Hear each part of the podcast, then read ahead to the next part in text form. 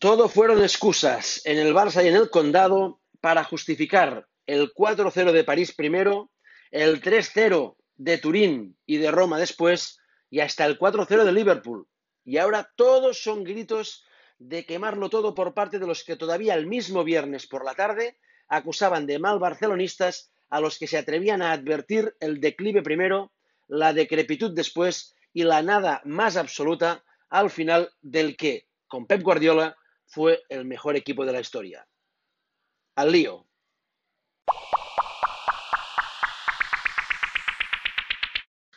Pues sí, por extraño que le pudiese parecer a cualquier aficionado de cualquier equipo y de cualquier deporte en el que es vapuleado, insisto, no derrotado, no, vapuleado cada año en su competición más deseada, por difícil que parezca, a Bartu, en verdad, todas estas humillaciones no le han hecho ni cosquillas como presidente.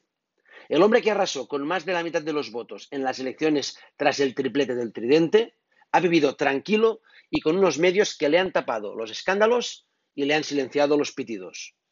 Eso sí, con el 2-8 del Bayern ya no se han atrevido.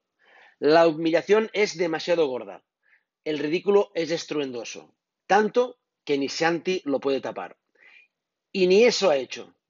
Sí que ha señalado en portada a Piqué, mientras en el editorial ha dicho que no se puede señalar a nadie. Que la derrota es de todos. Y que dejemos a Bartu en paz. Claro, que él ya convocará elecciones que en el último mandato es como decir que penalti para el Madrid. Mm, si no es hoy, será mañana. ¿Y ahora qué? Pues depende a, a quién nos refiramos.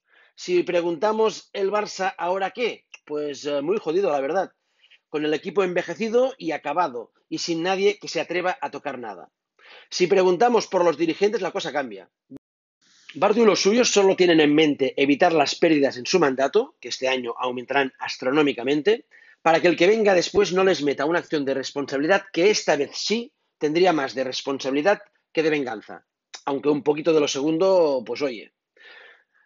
Todos esos jugadores por los que, a tenor de las portadas de los altavoces directivos, esta temporada íbamos a sacar pasta larga, Semedo 40 millones, Coutinho 100 o nada, que será nada, Rakitic 90, sí, sí, como lo oyen, Rakitic 90 millones, ya veis cómo está el patio. Todos estos jugadores se van a ir cobrando su pastizal firmado. Y sin traspaso, eso sí.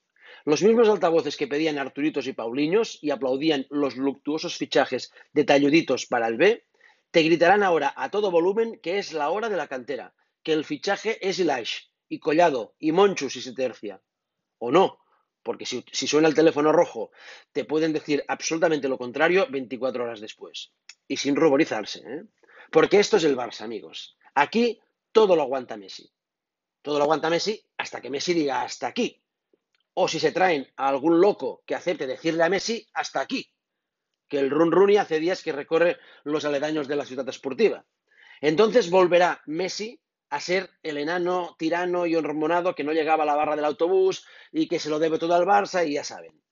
Que un poco es como se han venido refiriendo a él en privado tras cada firma de renovación. Y es que el espectáculo debe continuar. Y el socio, el socio a tragar y a callar, que ya tocó el cielo cuando Sandro les llamaba socios propietarios. Aquello ya fue lo máximo.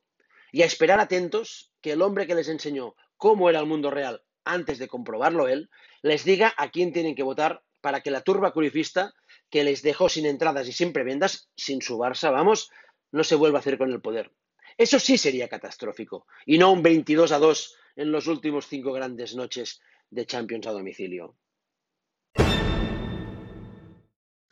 Unas semis de la Champions con Hans-Dieter Flick, Neymar y Mbappé, Rudy García y Dani Olmo.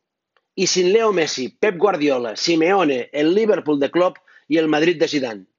Unas semis de la Champions con el Leipzig y el Olympique de Lyon.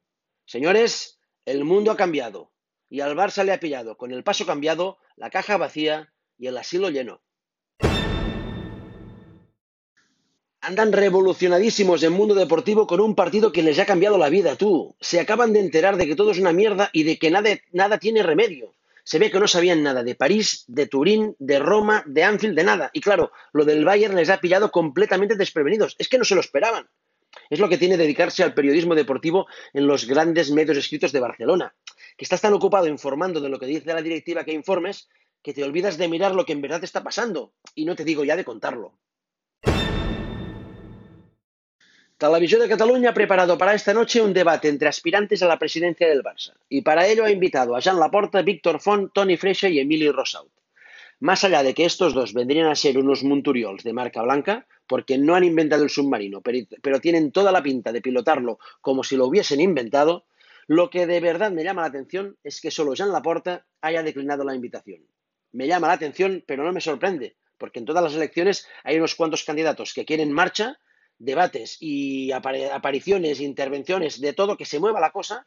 Y hay uno, siempre hay uno, que lo que quiere es que pase el tiempo sin que, cambien mucho las intenciones de voto. A tenor de la renuncia de Jean, nos podemos hacer una idea de por dónde van las encuestas que manejan los aspirantes. Esto no es cómo empieza, sino cómo acaba. Y veremos cómo acaba la cosa. Pero lo que parece seguro es que esta vez no habrá tridente y triplete para voltear las encuestas.